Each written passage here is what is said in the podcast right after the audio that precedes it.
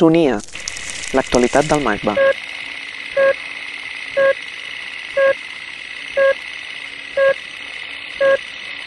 Pioner de la videocreació experimental, Manuel Huerga és director de cinema, televisió i escena. Destaquen els seus programes Estoc de Pop i Arsenal per TV3 i Boing Boing Buda per BTV, cadena que va dirigir fins l'any 2003. Ha dirigit també llargmetratges com Antàrtida i Salvador. Dins de la seva extensa trajectòria cultural, ha impulsat exposicions com Mont TV i projectes com la Videoteca Informatitzada de Barcelona, dedicada a la digitalització del patrimoni audiovisual de la ciutat. Sonia parla amb Manuel Huerga sobre els seus inicis experimentals i sobre el paper que el cinema, l'art i la televisió han tingut al llarg de la seva trajectòria professional.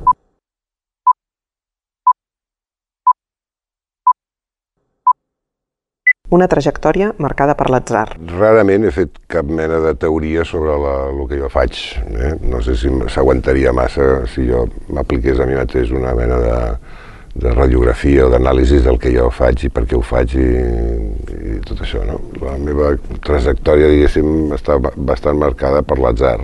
Jo no he planificat mai el que he fet, més aviat se m'han anat posant davant les coses i jo les he anat agafant per un punt instint de supervivència, és a dir, he anat fent les coses a mesura que m'han anat sortint i puc dir que he tingut sort fins ara, doncs que sempre m'han vengut a proposar coses molt interessants, que evidentment fas teves, no? per molt que siguin encàrrecs, al final qui té que donar la cara per allò ets tu, no? llavors les has de fer teves i les has de fer doncs, de la manera en què tu les entens. No? Però això fa que hagi fet de tot, no només televisió, documentals o cine, he fet cerimònies olímpiques, he fet ràdio i he fet eh, òpera i he fet, eh, no sé, de tot, no? Perquè per mi sempre és un repte davant d'una cosa que et proposen i si algú ha pensat que tu serveixes o pots fer allò que t'estan demanant, doncs penses, bueno, doncs potser sí. No? A vegades tenen més fe els altres amb mi que jo amb mi mateix, però justament per demostrar si ho sé fer o puc fer-ho, doncs ho faig, no? Eh, I per això a vegades agafo coses que, que potser la gent amb una mica més de seny no agafaria. Inicis experimentals. Sí que és veritat que al principi, diguéssim, quan era jovenet, no? doncs tenia inquietuds més experimentals, estava més fascinat per als límits de lo convencional. No?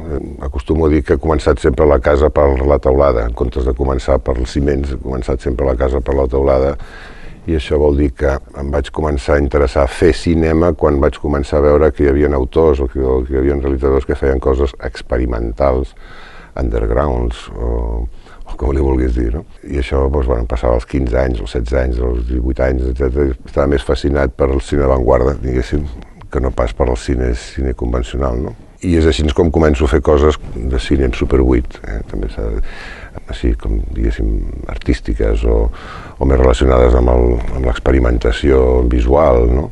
amb les sensacions, etc. No? Coses en tot cas no narratives o, o molt poc narratives, no? més aviat tenien més que veure doncs, amb la fotografia o amb la pintura o amb, o fins i tot amb el temps. Revista visual. Vam coincidir en la filmoteca com a assidus, veient cicles de Warhol i cicles de Charitz i de Chantal Ackerman i de Neckes, i, o sigui, tota una pila de noms no?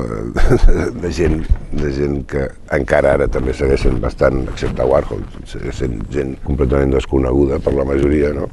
I allà, doncs, bueno, la gent que també estava veient aquestes pel·lícules, doncs, al final doncs, t'acabes fent amic, no? I aquí és com vaig conèixer l'Eugeni, el Juan Bofill, l'Eugeni Balcells, i bueno, vam fer una mica, doncs, una mica un grupet, no? que teníem inquietuds una mica semblants, que ens agradava aquest cine que, que veiem i que, i que tenia molt poca difusió, i la, i la revista aquesta que va fer dos números doncs una mica el que pretenia era donar a conèixer i difondre totes les pel·lícules o activitats o festivals o mostres, etc que hi tenien a l'estat espanyol i fora, no? on es podia doncs, veure aquest tipus de coses. No només a la filmoteca, no? sinó que poguessis... Ja, doncs en Madrid també en fan no sé què, o a, a França fan un festival de no sé quantos. No? sigui, era una manera de, de donar informació d'aquest tipus de cine, no? que no tenia difusió de cap altra manera. Cinema mut, el naixement d'un llenguatge. Vaig descobrir més tard el valor del cinema mut, que l'important és començar a vegades pel cinema mut no? i fascinar-te per com es va no només descobrir el cinema, sinó com el cinema va començar a aprendre a parlar o a escriure el seu propi llenguatge. No? És a dir, per això et deia començar la casa per la teulada i després et dones compte de que bueno, de Cameliers, de que Griffith, de Burnau, de, de tota aquesta gent comences a aprendre o a valorar no? el, el que realment van aportar. No? Llavors és quan em començo a interessar per els ciments i per la, per la base del llenguatge. Realitat i ficció. Jo no dic m'estic enfrontant amb una realitat, bueno, totes les coses són realitats, no? d'alguna manera, no? Fins i tot la ficció és una realitat, no? és un document també. Encara que hi hagin dos actors, allò està passant, és, una, és un retrat d'una realitat. No? És veritat que m'hagués agradat venir possiblement a fer més ficció que documental, no? La, la meva trajectòria m'ha portat a fer més televisió, més coses més semblants al, al documental que a la ficció, no? El que seria estrictament cine-cine, he fet dos o tres pel·lícules només, no? el que es diu ficció, no? I en canvi tinc moltes hores de, de televisió, de tota mena.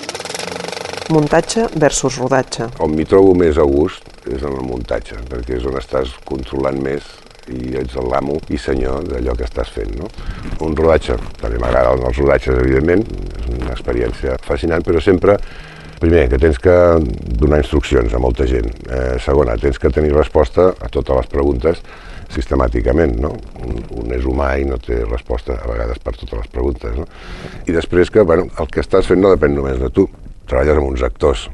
Els actors poden ser millors o pitjors, però millor no són tot lo, tot lo fantàstics que t'agradaria o no donen tot el... No? En fi, o depens d'un de, director de fotografia, depens d'un músic, depèn de no sé què, d'uns productors, d'uns recursos, d'un temps, d'un no sé què, en fi, tot, tota una sèrie de condicions que, en fi, un ja està acostumat a, a manegar-se, diguéssim, en aquestes condicions, però clar, sempre són unes condicions que no són les que tu necessàriament trobes més còmodes, no? Mai estem contents, sempre necessitem més temps, sempre necessitem més mitjans, sempre necessitem millors coses, etc. No? I sempre doncs, has de treballar amb el que tens, no? i amb el que tens doncs, has de fer el possible perquè allò surti endavant i surti el millor possible. Però vull dir que ja no depèn només de tu, no? En canvi, el que sí depèn exclusivament de tu és la sala de muntatge, no? que és allà on realment ets tu i la màquina, o com a molt el teu ajudant de muntatge, etc. I allà és on realment pots fer coses. A vegades pots fer fins i tot miracles, és a dir, coses que, que no has rodat o coses que aparentment no havies rodat, però de repent pots trobar-li una segona i una tercera mirada, una tercera lectura a, a determinats planos, a determinades coses, i segons com montes les coses tenen un determinat efecte o un altre, etc. No? Crec que allà és on està realment el, el procés creatiu. No?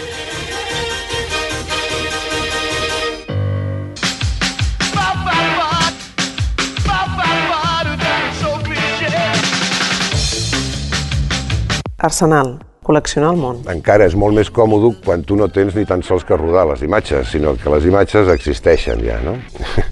eh? com si diguéssim, no? És a dir, per això aquí el material d'arxiu, les imatges que han fet altres, no? El, el, el ready-made, que això en deien abans, no? El ready-made com a... No? Tu agafes unes imatges d'uns altres, però segons com les montes has creat una cosa nova. Arsenal una mica tenia aquesta intenció, diguéssim, una de les primeres frases escrites que hi havia en aquell programa, Arsenal, en el primer programa, eh, era una cita de Susan Sontag que es diu eh, Coleccionar el mundo. No? I una mica aquesta era la, no sé, és com una mena d'obsessió que tens, no? de, dir, de, de col·leccionar el món amb les imatges, no? És a dir, i intentar explicar el món a partir de les imatges, les que has vist, les que no has vist, les que busques, les que trobes, les que... etc. I fer-ne com calaixets, col·leccions de, de coses, de miniatures, no? que són les imatges, no? Eh, tots els petons del món, totes les mirades del món, totes les llàgrimes del món, totes les...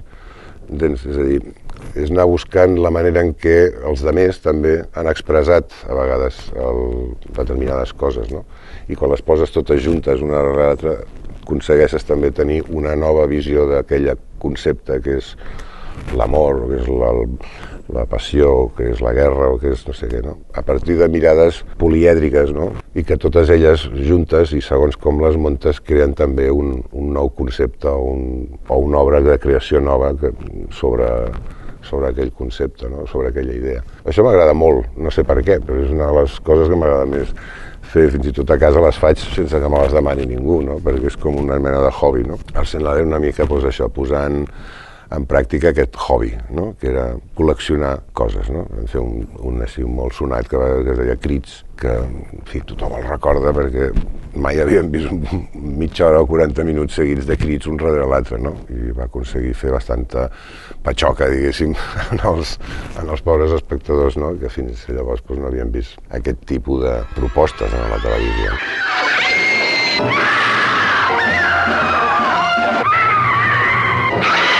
L'audiovisual com a art total. Com tenia aquesta base experimental en el que jo als 15 anys ja ho havia vist tot, és a dir, ja havia vist els límits de lo que es pot fer, ja havia vist Warhol, ja havia vist uh, Mekas, ja havia vist uh, Garrel, ja, ja fins i tot era amic de Philip Garrel als 20 anys, no? Eh, ja havia estat a París, sí, jo vaig començar a la casa per l'autorada i jo ja sabia que el cine podia ser qualsevol cosa, no? Bueno, qualsevol cosa, vull dir que el cine no era només anar a explicar una història, sinó que, en fi, el cine ho, ho pot abarcar tot i pots fer de tot, no?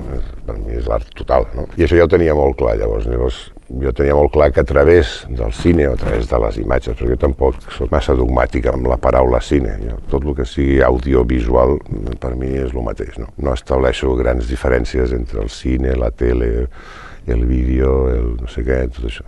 Per mi tot és el mateix. No, no li poso barreres ni fronteres.